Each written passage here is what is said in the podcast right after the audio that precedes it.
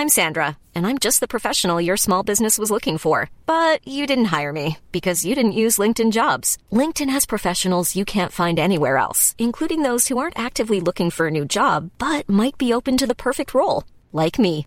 In a given month, over 70% of LinkedIn users don't visit other leading job sites. So if you're not looking on LinkedIn, you'll miss out on great candidates like Sandra. Start hiring professionals like a professional. Post your free job on linkedin.com/people today. Millions of people have lost weight with personalized plans from Noom, like Evan, who can't stand salads and still lost 50 pounds. Salads, generally, for most people, are the easy button, right? For me, that wasn't an option. I never really was a salad guy. That's just not who I am. But Noom worked for me. Get your personalized plan today at Noom.com. Real Noom user compensated to provide their story. In four weeks, the typical Noom user can expect to lose one to two pounds per week. Individual results may vary. Even on a budget, quality is non-negotiable. That's why Quince is the place to score high-end essentials at 50 to 80% less than similar brands. Get your hands on buttery soft cashmere sweaters from just 60 bucks, Italian leather jackets, and so much more. And the best part about Quince, they exclusively partner with factories committed to safe, ethical, and responsible manufacturing. Elevate your style without the elevated price tag with Quince. Go to quince.com slash upgrade for free shipping and 365-day returns.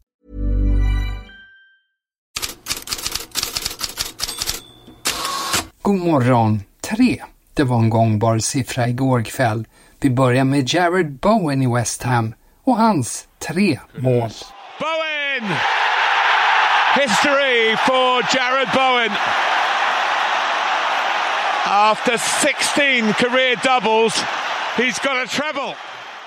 Ja, tre mål för Jared Bowen när West Ham slog Brentford med 4-2. Hans allra första hattrick och ett resultat som får Sky Sports Jamie Carragher att hoppas att West Ham-fans slutar vifta med skyltar med texten “Ut med Moyes”. Och tre mål, det gjorde också Paolo Dybala när Roma slog Torino med 3-2. Och så här glad blir man när argentinare gör mål om man är Roma-kommentator. Cristante a Dybala ai 25 metri il tiro a giro! È una poesia! Non è un gol! È una poesia! Roma 2 Det är inte ett mål, det är poesi, som den exalterade kommentatorn uttryckte det. Roma har nu häng på Champions League-plats i Serie A.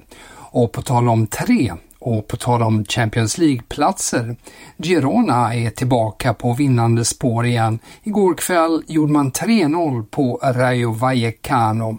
Girona-tränaren Mitchell påpekar också efteråt att målet för säsongens överraskningslag, ja det är en Champions League-plats.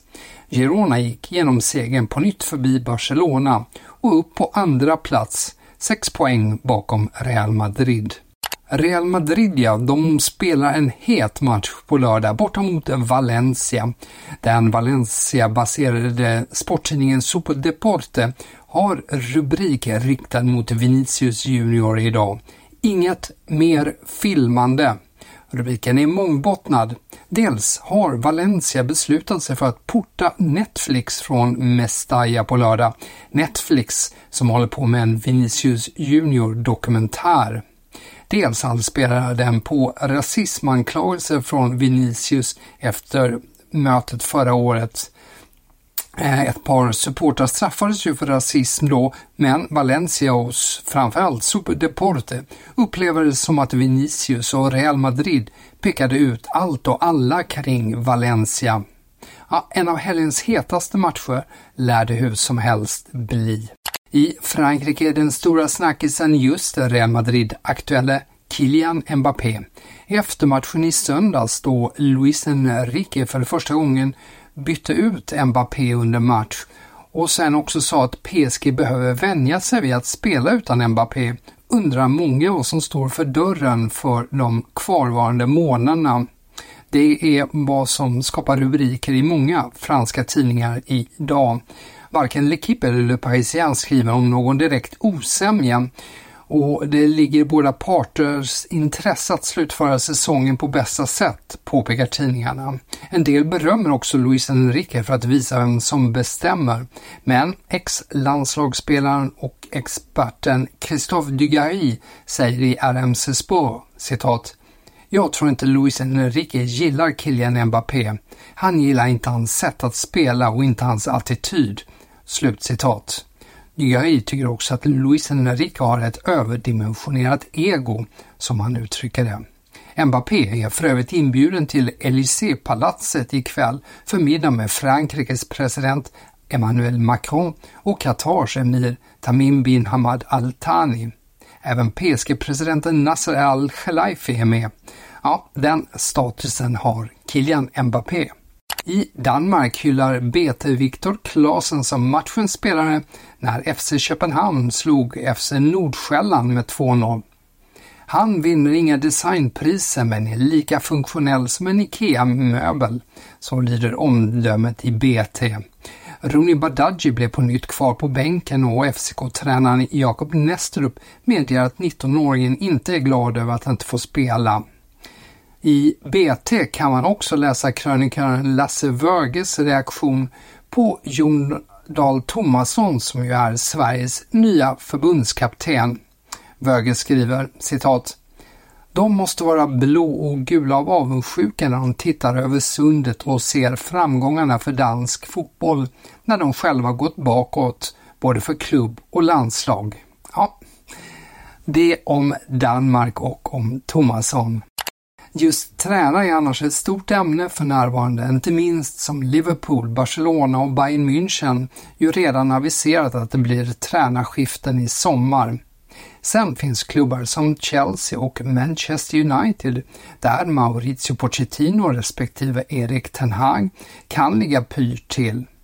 Toto Sport uppger idag över hela första sidan att båda klubbarna är intresserade av Inters tränare Simone Inzaghi Båda har också kopplats ihop med Sportings tränare Ruben Amorim tidigare. Och båda klubbarna tycks avvakta säsongen ut. Men Gary Neville är av annan uppfattning när det gäller Manchester United. Här har vi först Jamie Carragher och sen Gary Neville i Sky Sports igår kväll. At the moment, Eric Ten Hag's probably future's maybe up in the air, will he stay? I mean, my feeling is Manchester United have got to make a decision on the manager very quickly. And the reason I say that is because right now, Liverpool, Barcelona, and Bayern Munich all know they're in the market for a new manager. And at this moment, they'll be speaking to agents. I'm sure they're setting up meetings with those targets as well. If Manchester United don't feel Eric Ten Hag is the man to take them forward, are they going to be left behind the longer they leave it? So do you think they have to make a decision quickly in terms of whether they need a new manager? Yeah, I mean, I think that look, if you look at sort of the guy that's coming from City as CEO, and then obviously, you know, looking to get Dan Ashworth in from Newcastle, they're, they're going to make a decision, I think, quite quickly if they've not already. I suspect that Jim Ratcliffe, Dave Brailsford already know whether they're going to keep Eric Ten Hag as manager next season. I can't believe they're going to wait until May to make that decision and then leave themselves short. Where Manchester United have been found out in the last 10 years in recruitment on and off the pitch is making poor decisions, late decisions, not being ahead of the game.